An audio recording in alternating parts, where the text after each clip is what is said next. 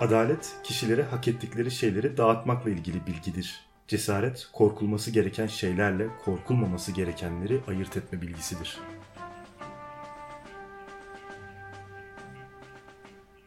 Merhaba, Filozofun Yoluna hoş geldiniz. Ben İlker. Ben Bilal. Geçen hafta stoacılar konusunu işlemiştik. Bu hafta da yine aynı konuyla devam edeceğiz. Stoacıların ruh kuramını ve ahlak felsefesini konu edineceğiz. Evet, kaldığımız yerden devam edelim. Kısa bir özet yapmak isterdim ama biraz vaktimiz sınırlı olacak maalesef. O yüzden hızlıca hemen konuya girmek istiyorum. Geçen programda Stoacıların bir genel tarihinden bahsettik. Daha sonra bilgi felsefesinden ve ontolojilerinden bahsettik. Stoacıların materyalist doğa felsefesine uygun olarak da ruh maddeden oluşur Stoacılara göre. Ruhtaki hareketler yani e, duygusal duygusal faaliyetler, bilme ve bilgi gibi bilişsel faaliyetlerde bu maddi tasarıma dahildir. Maddi olarak açıklanır. Ruh bedenin her tarafına yayılan ince bir cisimdir. Ruh ve beden ilişkisi evren içinde geçerlidir elbette ve aynı şekilde tasarlanmış bir evren ruhu tasarımı söz konusudur. Peki ruh kimlerde bulunur? Şimdi Platon ve Aristoteles'te varlıkların canlılar ve cansızlar olarak ikiye ayrıldığını görmüştük. Canlı olan varlıklarda ruhları itibariyle üç ana başlık altında değerlendiriliyordu. Bunlar bitkiler, hayvanlar ve insanlardı. Daha sonra bunların aralarında da bir hiyerarşi vardı. Hayvanda bitkisel ruh özellikleri var olduğu gibi insanda da bitkisel ve hayvansal ruh özellikleri vardı ve insan kendine özgü akılsal ruh ile diğer canlılardan ayrılıyordu. Bu ruh da Platon'da şehvetli, öfkeli ve akıllı diye üç parçadan oluşuyor ve ahlak felsefesi şehvetli ve akıllı ruhun gerilimi üzerine kuruluyordu. Doğa felsefesinde de gördüğümüz gibi Stoacılar panteist bir dünya görüşü benimsemeleriyle beraber evrendeki her şeyin tanrısal olduğu görüşünü savunuyordu. Bu da varlıkları canlı ve cansız olarak ayırmanın bir anlamı olmayacağı gibi tüm evrende bir canlılık olduğu görüşüne götürüyor onları haliyle. Evrenin kendisinin bütünü itibariyle canlı ve akıllı olduğu gibi onu meydana getiren her şeyin de canlı ve akıllı olduğu bir evren tasarımı karşımıza çıkıyor yani. Bu da her şeyin ruhu olduğunu anlamına gelecek ve Stoacılar aynı zamanda animist yani ruhçu olacaklardır. Tüm varlıklardaki ruh aynı özellikte midir yoksa Platon ve Aristoteles'teki gibi bir hiyerarşi söz konusu mudur? Şimdi e, Stoacılar için doğada 3 ana varlık türü var. Bunlar heksis, özellik, varlık tarzı ve yapı anlamına gelen bir şeydir. Psis doğa anlamına gelir. Bir de psike vardır. Ruh. Evren bu üç şeyden oluşur. Heksis evrendeki tüm doğal varlıklara nüfuz eden sıcak nefestir. Bunlar bizim bugün cansız varlıklar dediğimiz doğal varlıklardır. Psis bitkileri işaret eder. Burada sıcak nefes bitkiyi beslenme ve büyüme özelliğiyle cansız varlıklardan ayırır. Psike ise hayvanları işaret eder. Pisiz hayvanlarda sindirim, solunum, büyüme gibi salt fizyolojik özellikleri kontrol ederken hayvanların arzularının ve kendiliğinden hareketlerinin ilkesi de psike olacaktır. Söylediğin ilginç gerçekten. Yani genelde insan aklı itibariyle yani zekası, gelişmişliği falan bu gibi sebeplerden dolayı bu tarz hiyerarşilerin en tepesinde yer alırdı. Evet, e, Platon ve Aristoteles felsefesinde böyle olduğunu görmüştük. E, insanların ayırt edici özelliği stoacılar içinde yine e, akıldır. Fakat bu akıl ruhun yani psikenin üst yetisi, egemen yetisi, nous hegemonikon olarak adlandırılıyor. Egemen yeti 7 kısımdan oluşuyor stoacılarda. Bunlar 5 duyu, cinsel organlara yayılan tohum ve yutağa uzanan konuşma yetisidir. Böylelikle 4 kademeli bir ruh hiyerarşisine denk gelmiş oluyoruz. Burada insan yine akıllı hayvan olarak ele alınmış gibi görünüyor yani. Stoacılar aklın işlevleri derken ne anlıyorlar? Şimdi stoacılarda insan ve hayvan ruhunun başlıca iki işlevi var. Bunlar izlenim ve iç tepidir. İzlenim, bunlar izlenim ve iç tepidir. İzlenim, duyular aracılığıyla dış dünyanın etkilerine maruz kalmadır. Bilgi felsefesinde görmüştük bu konuyu. Duyu bombardımanı. İç tepi ise ruhun izlenime gösterdiği tepkidir. Hayvanlardaki iç tepi daha çok otonom reaksiyonlar gibiyken insanda onama ve reddetme unsurları dahil olur ve daha karmaşık bir iç tepi tasarımı ortaya konur. İç tepi bir amaca yöneliktir stoacılarda ve bu hayvanlarda kendilerini koruma içgüdülerine yönelik uygun, faydalı davranış iken insanlarda doğru ve erdemli eylemektir. Yani insanda içgüdünün yerini akıl oluyor diyebiliriz bu durumda. Ee, peki bu akılsal ruh tasarrumu arzulayan işte irade sahibi insanları açıklamak için yeterli midir? Günümüzde arzu kavramı sadece akılla açıklanmıyor ve karmaşık bir yapı ile ele alınıyor. Fizyolojik olarak yani. Stoacılar için ise arzu ve irade akıl ve yargı gücünden bağımsız değildir. Yani daha ilkel bir yaklaşımları var. Bütün irade eylemlerimiz akılsal tepkiler yani tasdik ve reddetme tepkileridir. Stoacılar bu konuda Aristoteles yerine Sokrates'in entelektüelizmini benimsemişlerdir yani. Hatta e, Krizippos insanda egemen ilkenin tümünün akılsal olması itibariyle Platon'daki şehvet ve öfke sahibi ruhlar diye bir şey olmadığını bile söyler. Saf akılsal ruh anlayışı nedeniyle de ahlak kuramı Platon'un aksine daha az çatışmacıdır e, stoacılarda. Herkesin akıldan pay alması itibariyle aklın doğru kullanımı sayesinde sağlıklı bir akla dayanacak insan erdemli ve mutlu bir hayat yaşayabilir. Görüşü onların ahlak felsefesinin temel tezi olacaktır. Doğuştan hiçbir bilgiye sahip olmayan insan aklı normal şartlar altında normal sürede normal deneylerden geçerek sahip olabilecekleri bilgeliğe ve mutluluğa erişebilir. Bunun ayrıntılarını da ahlak felsefesinde göreceğiz yine. Fakat konuya devam etmeden önce yani ahlak felsefesine devam etmeden önce onun e, onların determinizmini de ele almamız gerekiyor. Çünkü determinizm, mutlak bir determinizmin olduğu yerde özgür irade tartışması ortaya çıkacak. Her şeyin belirli olduğu bir yerde ahlaktan bahsetmek anlamsız olacaktır. Dolayısıyla Stoacıların determinizmle ilgili e, sınavları diyeyim. Çünkü determinizm hala önemli bir sınav felsefeciler için. E, nasıl yapılmış bir onu görelim. E, eğer determinizmi biz evrenin şu andaki durumunun daha önceki bir durumunun sonucu şeklinde tanımlıyorsak Stoacılar kendilerinden önce ve sonra gelen tüm filozoflardan daha çok savunmuşlardır bu durumu diyebiliyoruz. Onlar determinizmi bir kehanet olgusuyla bile savunmuşlar. Kicero'yu dinleyelim. Her şey zorunlu olarak kaderin eseri olarak meydana geldiğine göre bütün nedenlerin bağlantılarını aklıyla görebilecek birisi varsa kesinlikle aldanmayacaktır. Çünkü gelecekteki şeylerin nedenlerini kavrayan biri zorunlu olarak ileride meydana gelecek her şeyi bilecektir. Çünkü zamanın akışı sarılmış bir ip yumağının açılışı gibidir. Onda hiçbir yeni şey ortaya çıkmaz. Yani mutlak determinist. Her şey belli. Geçmişte belli, gelecekte belli. Bizim bugün bilimsel determinizm dediğimiz. Yağmur niye yağıyor? Çünkü gökyüzünde soğuk hava dalgası gelmiş. Su buharını şeye dönüştürmüş. Yağmura dönüştürmüş gelmiş. Bir önceki şeyle açıklanıyor. Oraya niye gelmiş? Çünkü daha önce hava ısındı. Yukarıya su buharı çıktı gibi. Bu bütün hayatı etkileyen mutlak bir determinist anlayıştır ve stoacıların da burada olduğunu görüyoruz. En temele baktığımızda peki Bilal, onlar her şeyin arkasında tam olarak neyi görüyorlar? Sonsuza kadar giden olaylar silsilesi mi? Nereye kadar gidiyor böyle?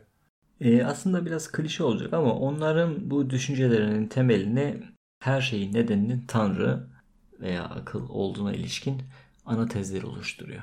Hmm, ama o zaman burada şunu söylemek gerekecek. Yani bu determinizmin işte Demokritos'ta gördüğümüz gibi salt bir mekanik nedensellik olmadığı aşikar. Evet Demokritos'ta ne vardı? Her şey atomlardan, Tanrı bile atomlardan oluşuyordu. Ve atomlar kendiliğinden hareketliydi geç sonsuza kadar yani ezelden beri atomları vardı ve her şey atomların hareketleriyle açıklanıyordu. Stoacıların sözünü ettikleri biricik nedenleri Tanrı veya akıldır ve Tanrı sadece bir düzenlilik, yasallık ilkesi olarak tanımlanmaz. Tanrı bir hayat, hareket, amaçlılık, iyilik ve inayet ilkesidir. Stoacıların determinizmi statik değil, dinamik ve teolojiktir. Aristoteles'in ayaltı alemdeki ereksiz doğa anlayışının aksine doğacılardaki Tanrı'nın içkin olduğu tüm doğa anlayışında bir bilinçlilik ve amaçlılık söz konusudur. Determinizmi belirleyen şey Tanrı'dır. O yüzden aynı zamanda kaderci bir determinizmden bahsediyoruz. Yani teolojik bir determinizm diyoruz buna. Ya ben de onu diyecektim aslında. Yani bu determinizmden ziyade bir kadercilik olmuyor mu? Öyle. Şimdi öne çıkan stoacı filozof burada Krispos. Bu öğretiye gelen kaderci eleştirilere karşı çıkar ve Stoacı öğreticinin insan özgürlüğünü mümkün kıldığını iddia eder ama açıklamaları pek doyurucu değildir. Çünkü tanrısal bir determinizm anlayışının kaderci olduğunu kabul etmemiz gerekir. Eğer her şeyi tanrı belirliyorsa, değil mi dinlerde bile böyle değil midir yani birazcık kurcalayınca. Kader dediğimiz şey işte mesela İslam'da her şeyin tanrı tarafından bilinmesidir. O zaman insanın eyleminin ne anlamı vardır? Ya da dinli, dinin iddia ettiği sınavın ne anlamı vardır? Yani. Sorusunda doğal olarak sormuş olmalıyız. Ama bu soruya yanıt vermek için özgür iradeyi açıklamaları gerekiyor. Bunu da Kikero'yu dinleyeceğiz. Kikero da ılımlı bir yöntem izleyecek ve mutlak determinizmi evet kabul edecek. Yani kaderciliği kabul edecek. Fakat insanın iradi davranışlarının nedenlerini yine insan iradesi ve zihniyle açıklayacak. İradi davranışlar bilinçsiz değildir diyecek. Bizzat akıl tarafından belirlenir. Bu açıklamaya yine Krizipos'un uyumlu bir açıklaması eklemlenir. Akıl izlenimler ve iş tepkilerden oluşur. İzlenimler iş tepkileri nedenleridir ama belirleyicisi değildir. İş tepkileri belirleyen aklın kendisidir. İzlenimler bizim dışsal etkilerimiz dış, dışsal etkilerden kaynaklanır. Yani biz gözümüzü açtığımız zaman neyi göreceğimizi veya ne, veya neyi duyacağımıza karşı koyamayız diyor. Fakat buna ilişkin yargılar bizim akılımız tarafından belirleniyor. Özgür irade yolda bulmaya çalışıyor. E, ama bu açıklamalar Stoacı ontoloji içinde asıl nedenin Tanrı olması ve Tanrı'nın iradesinin değişmemesi ve dolayısıyla her şeyin tanrısal iradenin nedenselliğine uygun olarak zorunlu bir tarzda meydana geldiği düşüncesi karşısında savunmak gerçekten güçtür. Yani özgür iradeyi stoiklarda bulmak biraz zor. Yani her şey tanrısal akıl tarafından zorunlu olarak belirlenmişse insanın düşüncelerinin, arzularının, seçimlerinin ve hatta bunların ürünü olan eylemlerinin de aynı şekilde belirlenmiş olduğunu kabul etmek gerekecek. Yani bundan başka bir yolda görünmüyor böyle baktığımız zaman. Evet zaten stoacıların ahlaki alanda arzu ettikleri şey Tanrı'nın işlerini ve yasalarını bilmesi, onları kabul etmesi ve irade olarak kendini onlara uydurması. Bilinçli bir şekilde ona itaat etmeleridir. Ne diyorduk? Mutlak bir teslimiyet dedik değil mi geçen programda? Yani onlar için özgürlük Tanrı'ya bir teslimiyettir. Özgürlük onlar için bir güç değil, bir bilgeliktir. Mutluluğu özgürlükte değil teslimiyette arayacaklar. Biraz teolojisinden bahsedelim sonra da tamamen ahlakına geçelim. En sonunda birazcık da siyasetinden bahsedeceğiz. Çok e, ayrıntılı değil zaten siyaset konusu. E, şimdi biz Stoacılığın bir din değil, bir felsefi sistem olduğunu söyledik ama Helenistik dönemde dini kaygıları en çok olan okul olan okul olduğunu da söylemiştik. Platon'un başlattığı felsefenin dini bir hüviyet kazanması geleneğinin devamcısıdır ve Platonis'in yeni Platonculuğunun da habercisidir demiştik. Stoacı doğa bilimi şeylerin Tanrı'dan nasıl çıktıkları ve sonunda ona nasıl geri döndüklerinin bir hikayesi olarak okunabilirdi değil mi? O ebedi dönüşten bahsetmiştik. Stoacı ahlak felsefesinin temel hedefi olan mutluluk, bireyin bu doğal ve tanrısal yasaya bilinçli veya bilgece bir tutumla teslim olmasıyla elde ediliyor. Yani stoacılıktaki ahlaki ödev aynı zamanda dini bir ibadet anlamına gelir. Böyle diyebiliriz değil mi? Evet. Bu durumda onların felsefesinin teolojik olarak incelenmesinin gerekliliğini ortaya koyuyor. Stoacıların epignosçulardan farklı olarak Yunan-Roma paganizmi ve dinsel ritüellerini onaylamadıklarını biliyoruz ama Diyojen Laertus'tan bir alıntı yapayım. Stoacılara göre Tanrı canlı, ölümsüz, akıllı, en mükemmel anlamda mutlu, içinde hiçbir kötülük barındırmayan, dünya ve onun içindeki varlıklarla yakından ilgilenen fakat insan biçimine sahip olmayan bir varlıktır. Bununla birlikte o evrenin yapıcısıdır. Gerekse her şeyin içine nüfuz etmiş olan özel bir parçası bakımından deyim yerinde ise her şeyin babası olan ve çeşitli güçlerine göre farklı adlarla çağrılan şeydir.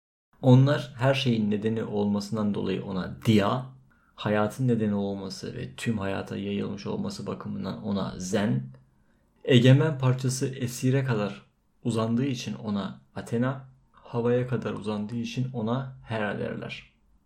Tek bir tanrıyı paganizmin içinde buluyor yani.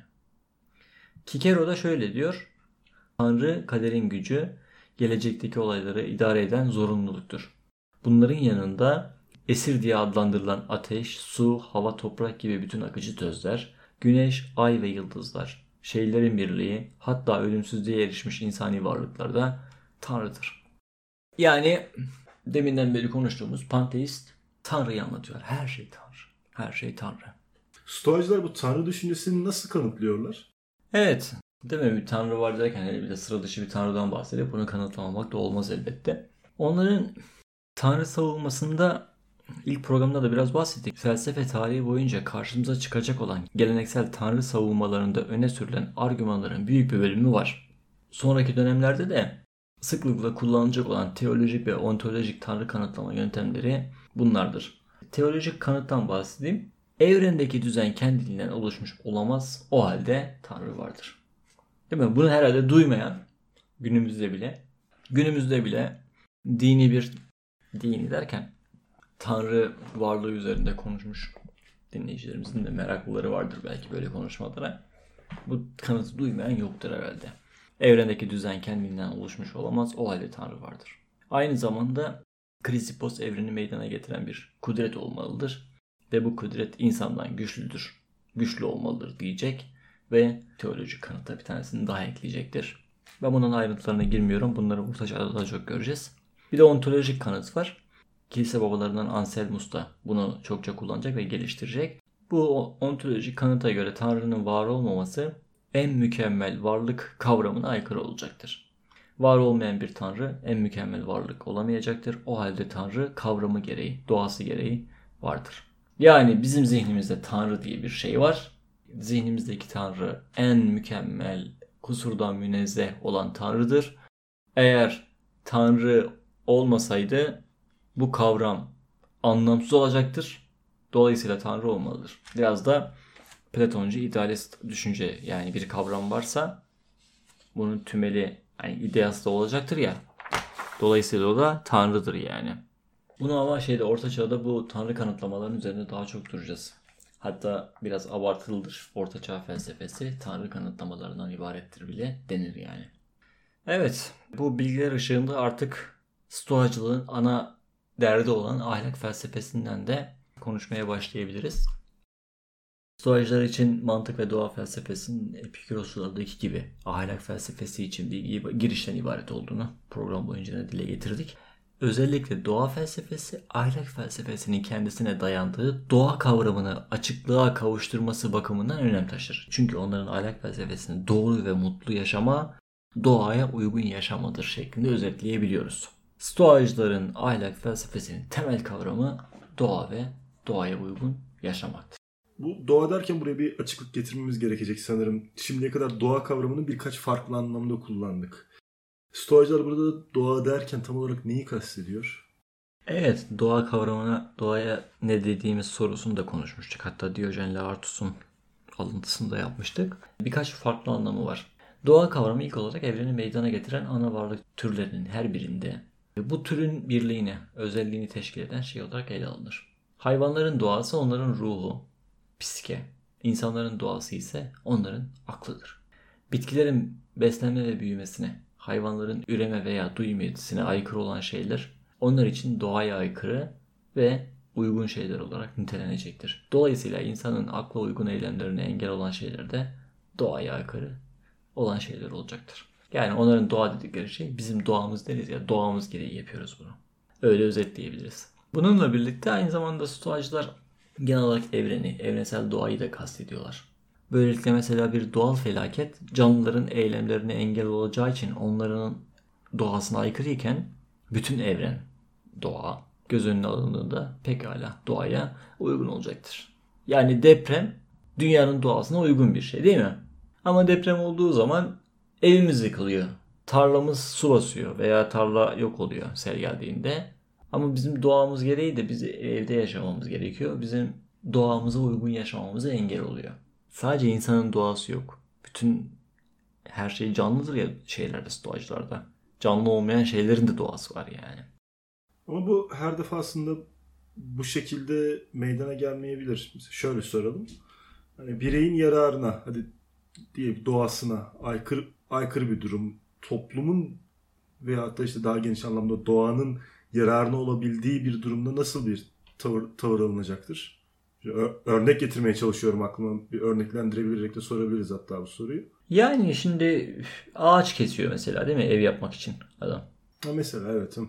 Büyük bir yapı için ağaç kesiyor. Orada ağaçlar kesildiği zaman doğada tahribat olacak. Aynı zamanda işte günümüz bilimiyle biraz konuşalım. Oksijen üretimiyle ilgili bir şeyler olacak. Hayvanların doğal yaşam alanları yok olacak. Çevredeki ekoloji etkilenecek vesaire vesaire yani. Ama ev çıkıyor sonucunda. Evet. Ama bu insanın yararına. Çünkü saray yapmamız lazım oraya. İşte hastane yapmamız lazım oraya. Yol yapmamız lazım oraya vesaire vesaire yani. Şimdi Stoacıların doğa karşısında bu farklı yaklaşımlar hala ahlak felsefelerindeki gerilimin kaynağı olacak. Diyojen Laertos Stoacıların doğa derken şimdi bütün evreni kastettiğini ifade eder. İnsan davranışlarında evrensel doğa gözetilerek hareket eder. Buna karşın e, Krizipos bireysel doğaya uygun yaşamın evrensel doğaya uygun yaşamak olduğunu söyler. Fakat birkaç basit örnekle bunun böyle olmadığını biz söyleyebiliyoruz az önce verdiğimiz örnekle. İşte tarım ilaçları mesela doğaya zararlıdır değil mi? Fakat insanın yaşaması için gereklidir. Burada işte bir gerilim ortaya çıkıyor. Bunun yanında evrensel doğa derken tam olarak ne kastedildiği açıklı değildir aslında. En nihayetinde doğa tikel varlıklardan oluşur. Tikel varlıklar iyi olacak fakat bütün doğaya iyi gelecek bir şeyi hangi açıdan, kimin için veya nasıl olabilir? Ya da biz evrenin bütünü için iyi olanı nereden bilebiliriz? Yani biraz şey, hmm, sıkıntılı yani adamların bu iddiaları.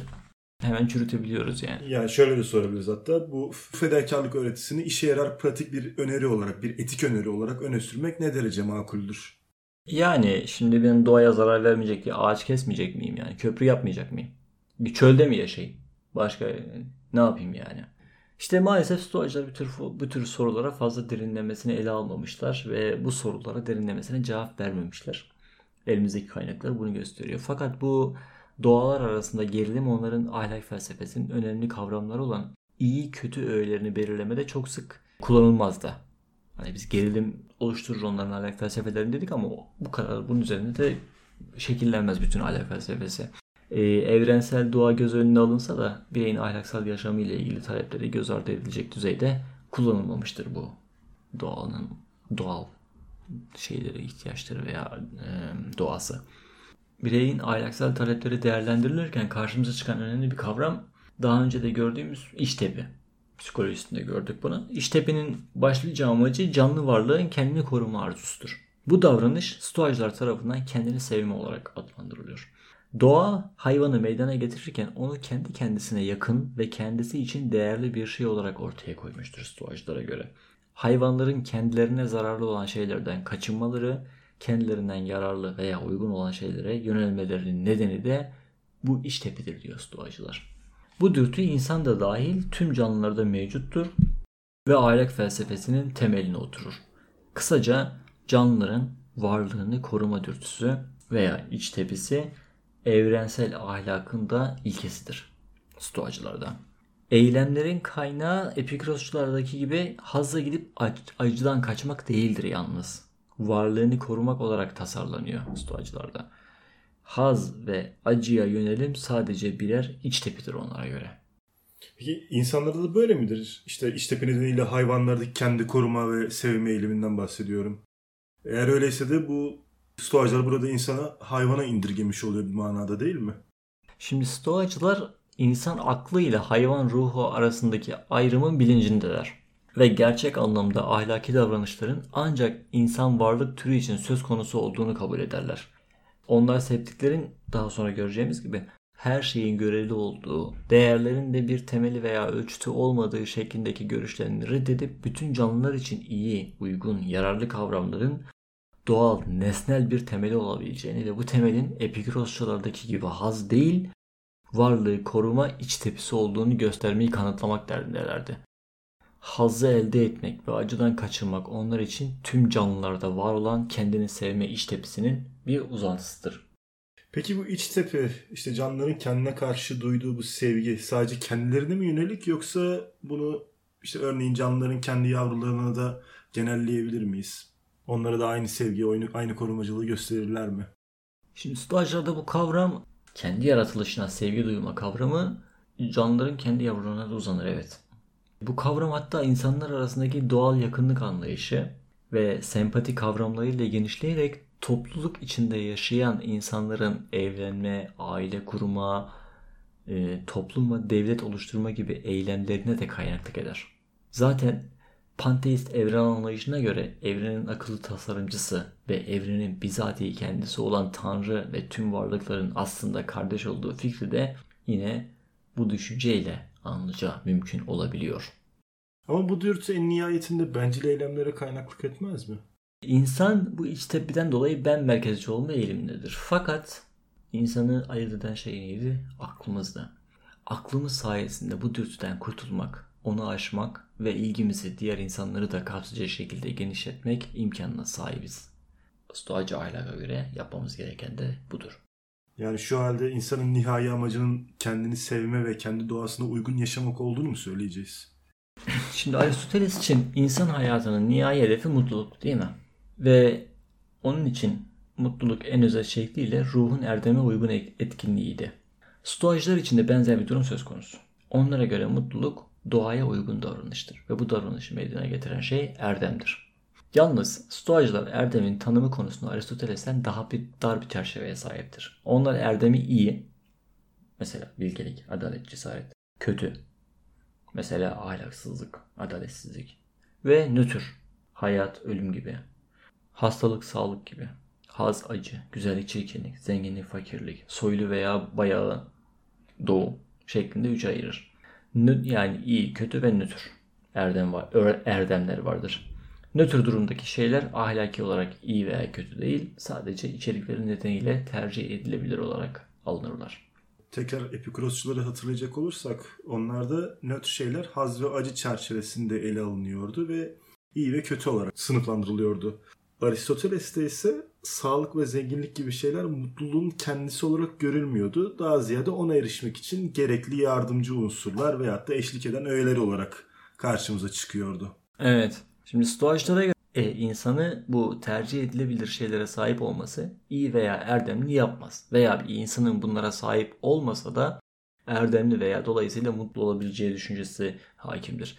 Stoacıların ahlakla ilgisi olan şeylerin yani nötr şeylerin tasnifi tercih edilebilir olanın doğaya uygun, tercih edilemez olanların ise doğaya aykırı olduğu yönünde yorumları da mevcuttur.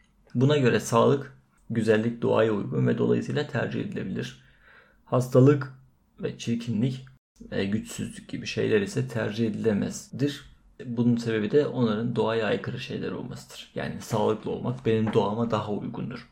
E, onlar böyle Epikurosçulara az önce söylediğimiz itirazı yeniliyor ve bizim peşimizden koşmamız gereken şeyin haz değil, erdem ve mutluluk olduğunu söylüyorlar. Bunun yanında yani bu bilgilerden çıkarabileceğimiz bir diğer sonuç da stoacılar için erdemli davranış seçilmez, mutlak olarak ele alınır. Erdemler zorunlu olarak, mutlak olarak iyi olan şeylerdir.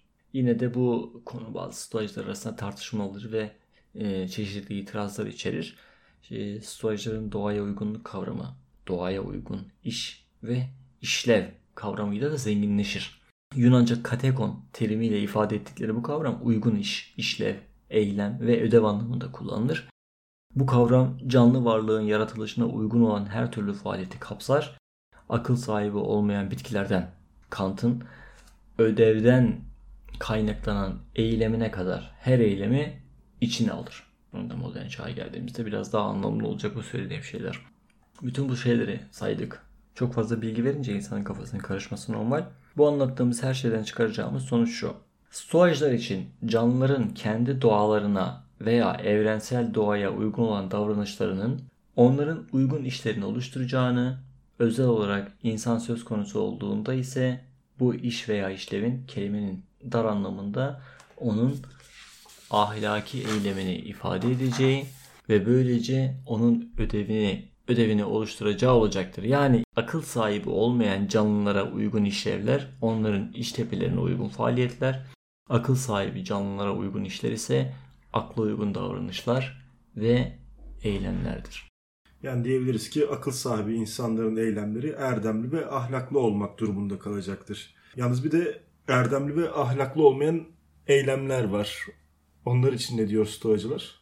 Şimdi stoacılar insanları e, ve eylemleri iki kategorik gruba ayırır ve akıl sahibi insanların erdemsiz davranışlarını açıklarlar böylelikle. Buna göre insanlar bilgeler ve bilgisizler veya cahiller, aptallar, deliler olarak. Eylemler ise erdemler yani iyiler ve erdemsizlikler kötüler olarak tasnif edilir. Bunların dışında erdemle ilgisiz günlük sıradan eylemler de vardır ve öncekine benzer bir yaklaşımla sınıflandırılır. Yani bu sınıflamalar, bu ayrımlar neticesinde e, erdemsizliği açıklayabiliyor stoacılar. Hmm. Yani erdemler bilgelerin, erdemsizlikler de cahillerin eylemleri olacaktır haliyle. Evet ama yine de bu ayrımların her durumda geçerli olamayacağını ilişkin stoacı filozofların çeşitli itirazları da vardır. Buna göre her uygun işin doğru veya erdemli olmaması eyleyen insanın yapış tarzının farklılığından kaynaklanır. Örneğin sağlığına dikkat eden bilge bir insan bunu bilinçli ve eylem erdemli olduğu için yapıyor. Fakat bir başkası böyle bir kaygı gütmeden sağlığına dikkat edebilir pekala. Haliyle eylemin sonucuna değil niyetine, sebeplerine bakarak ahlaki bir ayrım yaptıklarını anlıyoruz buradan. Bilge bir eylem başından itibaren tümüyle doğru eylemdir stoacılar için. Şimdi bu konuştuklarımızı tekrar bir elden geçirirsek az önce geçen programda yaptığımız gibi yani epistemolojisinde yaptığımız gibi aşama aşama yeniden alırsak ahlakın daha doğrusu erdemli eylemlerin nasıl oluştuğunu 5 aşamada e, sınıflandığını görüyoruz. İlk aşama insanın bir canlı varlık olarak doğal iç tepesine uygun davranış sergiler. Fakat insan akıl sahibi olduğu için doğasına uygun olanı yapar, aykırı olanı reddeder. Bu ikinci aşama. Üçüncü aşama uygun seçimlerde bulunur. Dördüncü aşama uygun seçimlerin süreklilik kazanması elde edilir. Artık sürekli doğru yapmaya başlar.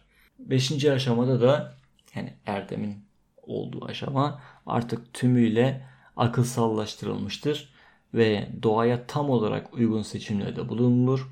Yani insan doğasıyla doğayla mutlak anlamda tutarlı, evrensel doğayla tutarlı, onunla uyum içinde iyi, mükemmel eylemlerde bulunma. Böylelikle artık son aşamaya, erdemli davranışa, erdeme ulaşılmış oluyor. Yalnız dinleyicilerimizin de dikkatini çekmiştir. Bu ahlak sistemde her şey akılsal görünüyor. Her şey. Hani hiç öyle tutkulara falan yer yok. Evet.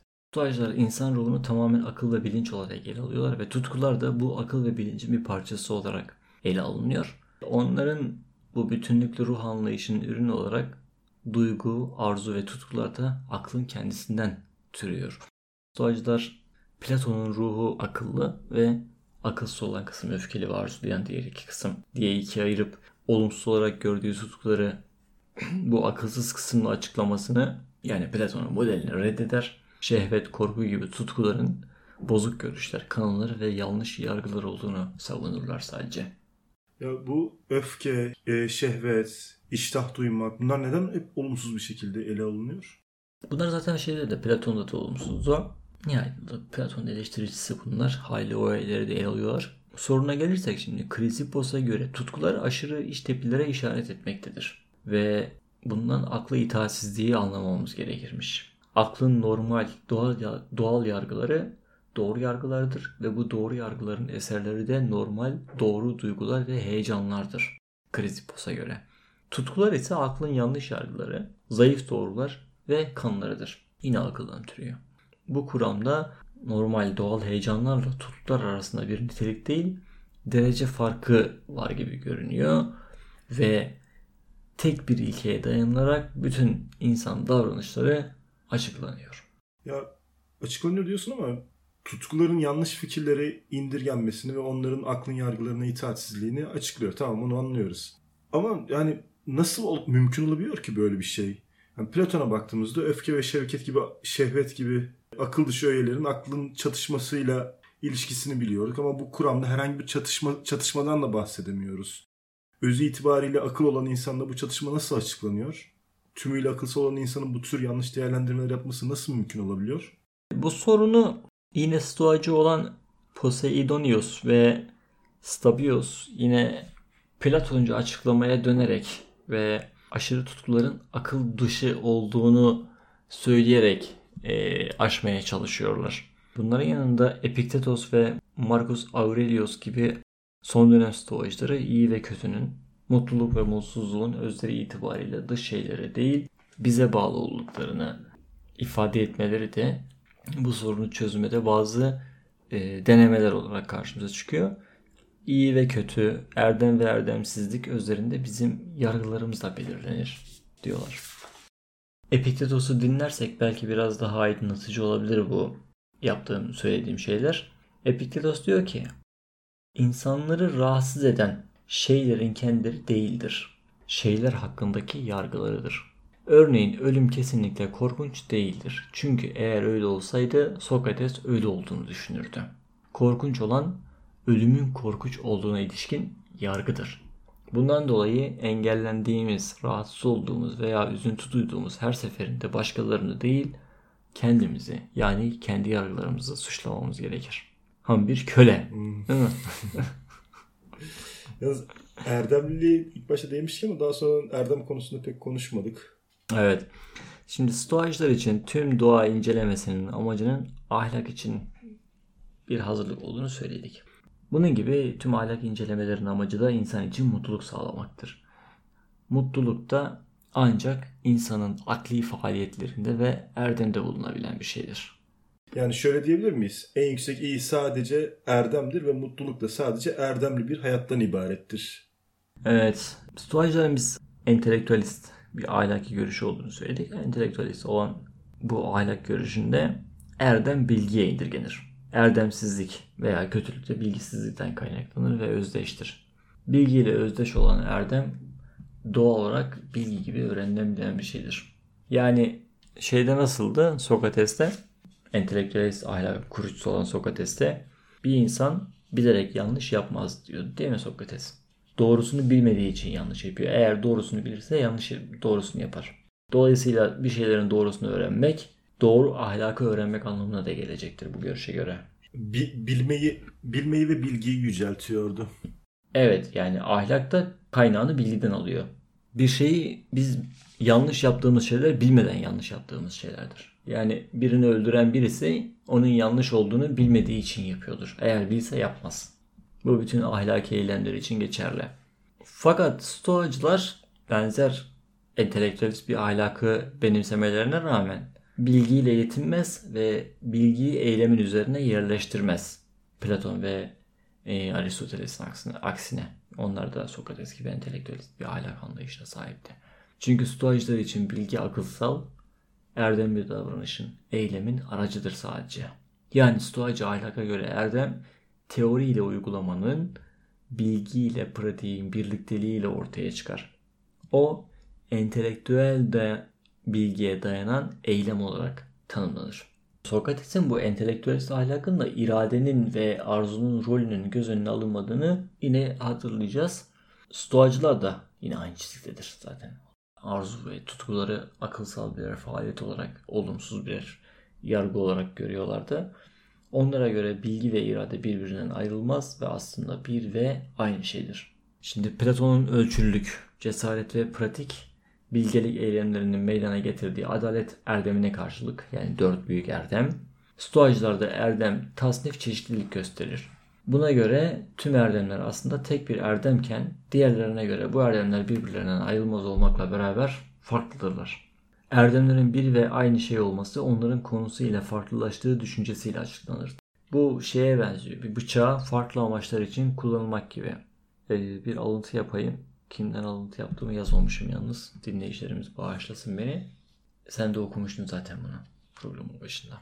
Adalet kişilere hak ettikleri şeyleri dağıtmakla ilgili bilgidir. Cesaret korkulması gereken şeylerle korkulmaması gereken şeyleri ayırt etme bilgisidir. Yani temel erdem bilgidir. Sen eğer doğru bilgiyi biliyorsan yerine göre cesur, cesur da olursun. Yerine göre cömert de olursun. Yerine göre adil olursun. Yerine göre sevgili olursun. Temel erdemimiz bizim bilgi gibi görünüyor stoacılarda. Stoacıların bahsettiği erdemin kapsamı nedir? Yani erdemli biri her konuda mı erdemli olur yoksa bazı konularda erdemsizlik sergileyebilir mi? Evet burada işte biraz ilginçleşmeye başlayacak. Stoacılar erdemle erdemsizlik arasında hiçbir ara durumu kabul etmiyorlar. Erdeme sahip olan biri ona tümüyle sahiptir. Olmayan ise tümüyle yoksundur. Erdemsiz birinin ona ne kadar yakın veya ne kadar uzak olduğu önemsizdir. O erdemsizdir. Daha bir karış suda boğulmuşsun, ha bir boy suda boğulmuşsun. Onlar için önemsizdir. erdemsizlik arasında derece farkı yoktur. Yalnız bu ayrım biraz garip geliyor hakikaten. Yani stoacılar insanları bilgeler ve cahiller olarak ikiye ayırıyor. Fakat bunların arasında hiç kesişim kümesi yok. Herhangi bir şekilde biri diğerinin başka bir alışkanlığını muhafaza etmiyor. Tamamen ayrı birbirinden. Bilgeler her şeyi doğru yapıyor. Her şeyin e, her kusurdan münezzeh. Cahiller ise hiçbir şey bilmiyor. Hiçbir şeyi iyi yapamıyor. Evet. Böyle bir şey mümkün olabilir mi? Şimdi bilge insan tüm insanlar arasında özgün olan. Yani bu şeyde de söyledik ama e, bilgi felsefesinde de birazcık bu konudan konuştuk. Bilge insan bilerek yapıyor. Yani erdemli bir sağlığına dikkat ediyor dedik ya bilerek. Mesela bir doktorun kendi sağlığına dikkat etmesiyle bir köylünün kendine sağlık sağlığına dikkat etmesi aynı şey midir? Aynı altyapıyla mı yani aynı bilgiyle mi yapıyorlar o işleri? Yani aynı yerden yola çıkarak yapmıyorlardır. Evet ya bir tanesi Ama aynı şey ama aynı şey yapıyorlardır bir yerde. eyleme bakmıyor işte adam şeye bakıyor. Şimdi o eylem Neden yapıyor?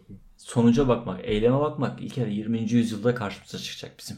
Daha önümüzde 2300 yıl var. Bilge insan yani bu erdemli insan tüm insanlar arasında özgün olan, en güzel olan, gerçek anlamda zengin ve mutlu olandır. Zenginlik hiçbir şeye ihtiyacı olmamak anlamına gelir değil mi? Dolayısıyla bilge insan hiçbir şeye ihtiyacı olmayan yegane insandır.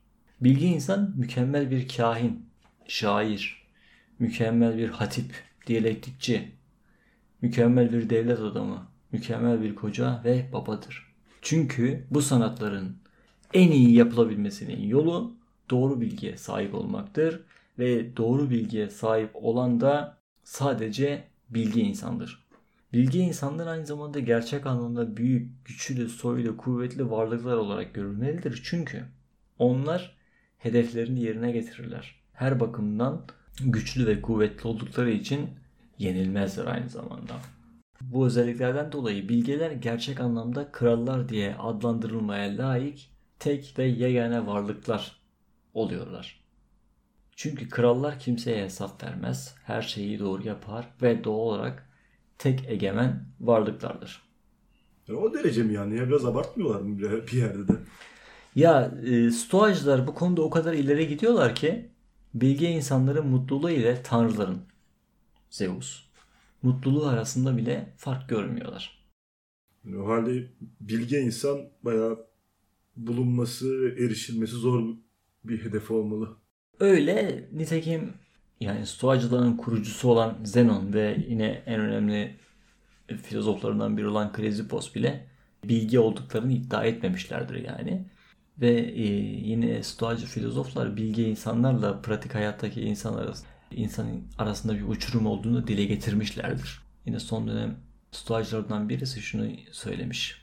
Büyüklük ve güzelliklerinden ötürü hayal gibi insan doğasıyla uyuşmaz gibi görünen şeyler söylediğimizin farkındayım.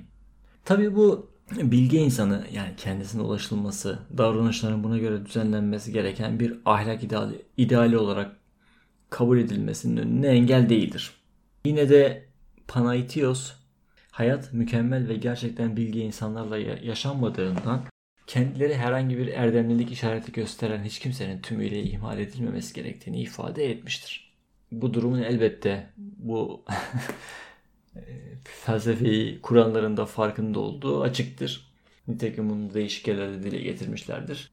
Ben nasıl bilgi olamayacağım deyip hiçbiri bırakmamış felsefeyi ve bilgi insanı bir ideal olarak almışlardır. Bunu nerede görmüştük? Aristoteles de Tanrı'yı, Tanrı'nın mutluluğunu ideal olarak almıştı değil mi? Panaitios ayrıca doğanın insana çeşitli roller verdiğinden bahseder. İki tane rol var. Birisi evrensel rol, birisi de bireysel rolümüz. Evrensel rol hepimizin aynı akla sahip olmasından dolayı evrenin bize verdiği roldür. Bireysel bireysel rolümüz de kişilik özelliklerimizden biz diğerlerinden ayıran özelliklerden kaynaklanan rolümüzdür. Ee, bizim hedefimiz bireysel rolümüzü yerine getirmek olmalıdır. Bunu artık iyice son dönem yani abartılı bir e, bilgi insan profilinden uzaklaşmaya çalışan filozoflar. Kendi kişilik özelliklerimizi reddetmeyeceğiz. Onları tanıyacağız. Onlardan yola çıkarak kendimize en, en uygun şeyleri gerçekleştireceğiz. Eylemde bulunurken içinde bulunduğumuz şartları göz önüne alacağız. Hayatta ne olmak istediğimize karar vereceğiz. Tamam, soylu doğum, zenginlik, mevki gibi şeyler şansa ve dış şartlara bağlıdır. Ancak ne olacağımız, hangi rolü benimseyeceğimiz bizim seçimimizle mümkün olabilir. Mesela onun mutluluk ile kişilik arasında koyduğu bu ilişki Aristoteles'in altın ortasının esnekliğinden daha derin aslında. Epiktetos ve Marcus Aurelius da bu fikirleri geliştirirler. Hatası olmak mümkün müdür? Hayır. Bu bizim gücümüzün ötesindedir. Bilge insan olamayacağız demek istiyor yani. Ama sürekli olarak haksızlık yapmama niyetini korumamız mümkündür. En azından dikkatimizi gevşetmeyerek birkaç hata yapmaktan kaçınabilirsek bununla yetinmeliyiz. Biraz teslimiyetçi, biraz da çaresiz bir ahlak görüşleri var. Ama temelde Epikuros'un haz ve acısından çok da farklı bir şey söylüyor değiller aslında. Onlar da sadece Epikurosçuların haz ve acısının kavramsal altyapısını biraz değiştiriyorlar. Temelde benzer şeyi mutluluk değil erdem olarak dile getiriyorlar gibi görünüyor. Ee, istersen son olarak biraz da siyaset felsefesinden bahsedelim sonra bitirelim. Zaten siyaset felsefesi pek uzun değil. Bu kadar bilgi insandan bahsettikten sonra hele de mutluluğu dış şeylerden bağımsızlığından hiçbir şeye ihtiyacı olmadığı için mutlu ve özgür olan ideal bilgi insanın, bilge insanın kuracağı felsefe sisteminde devlet gibi tamamen dışsal bir aygıtla ilişkinin bir kuram geliştirmemiş olması stoacılar için yani şaşırtıcı olmaz herhalde değil mi? Yani hele ki buna bilgiler bilgeler dışında kalan kalabalığın yeteneksiz cahiller olarak tasarlandığı düşüncesi eklenir. Devletin de bu cahil ve aptallardan mürekkep olduğu var, varsayılırsa yani buna ilgisiz kalmaları daha da anlaşılır olabilir. Yani evet absürt bir tablo kesinlikle ama yine de birkaç bir şey söylemişler. Felsefelerinin e, gereği olarak diyeyim en azından. E, fakat bu söyledikleri sözler böyle Platon ve Aristoteles gibi geniş kapsayıcı ve felsefi sistemlerinin böyle temeline oturan bir yerde de değildir. Ve Aristoteles'te nasıldı? Aristoteles ve Platon'da her şey toplanıyordu devlet felsefesinde. Dile geliyordu adeta. Stoacılar yasaları doğa felsefelerinden yola çıkarak yani ortak doğaya ve ortak akla iliş, ilişkilendirerek tek ve mutlak doğruların olduğu olduğunu söylerler ve doğruların toplumdan topluma zamandan zamana değişmedi, değişmediğini ifade ederler. Örneğin e, faydalı olan doğru yasa olacağı anlayışının faydalı olması durumunda yasaya uymama ile sonuçlanabileceğini hatırlatarak mutlak yasayı temellendirirler. Yani Epikuroslar ne diyordu? Fa- faydalı iş gören, bu aynı zamanda pragmatizmin de temelidir bir yerde. En azından e, utilitarizm faydalıcılığın temeli diyebiliriz. E, gerçi sofistlerin de hakkını yemeyelim. Senin için faydalı olan bazen yasaya uymamaktır değil mi? Dolayısıyla her zaman faydalı olanı şey yapmaya, yapamayabiliriz. Yasa olarak, doğru yasa olarak ortaya koyamayabiliriz. O yüzden mutlak yasalar olmalıdır diyecekler. Stoacılar toplumu ve veya devleti evrensel yasaya, evrensel yasayı evrensel adalete, evrensel adaleti doğaya ve doğada içeriden akla yani logosa bağlarlar. Haliyle toplumlar ayrı ayrı devletler ve değişik yönetim biçimleri ve yasalarla değil, ortak bir yasanın hüküm sürdüğü tek bir dünya devleti tarafından idare edilmelidir. Bu topluluğa tanrılar da dahildir. Tüm evreni tanrılar ve insanların üyeleri oldukları bir toplum olarak düşünmeliyiz. Yani bir açıdan baktığımızda da bu düzen kadınlar ve kölelerle özgür erkeklerin aynı değerde olduğu eşit, eşitlikçi bir dünya düzeni. Evet öyle gerçekten de. Stoacılar e, insan aileden başlayan ve her biri e, diğerini içine alarak genişleyen çok sayıda birliğin yani doğal birliğin üyesi olduğunu üyesi olduğu bir sistem içerisinde tasarladılar. Fakat bu birlikler onların yönetiminden eşit olarak pay almaları anlamına gelmez ama. Tek bir yasa koyucu söz konusudur ve bu yasa koyucu Tanrı'nın bizatihi kendisidir. Ama bu mümkün değildir. Haliyle kim olacak bu? Bilgi insan olacak. Evet herkes eşit. Ama öyle seçme seçilme hakkı yok. Bilgeler sadece. Da varsa. Haliyle sistem üzerine çok düşünmedikleri için Aristoteles de mesela ne diyordu? Aristokratlar yapacak diyordu değil mi? Ama aristokratı bulmak zor. Platon kral diyordu. Kendisi bile yetiştiremedi. Kralı, filozof kralı. Aristoteles Aristote aristokratların ortaya çıkamayacağını, bulunamayacağını söyledi. Sonra demokrasiye yöneldiler.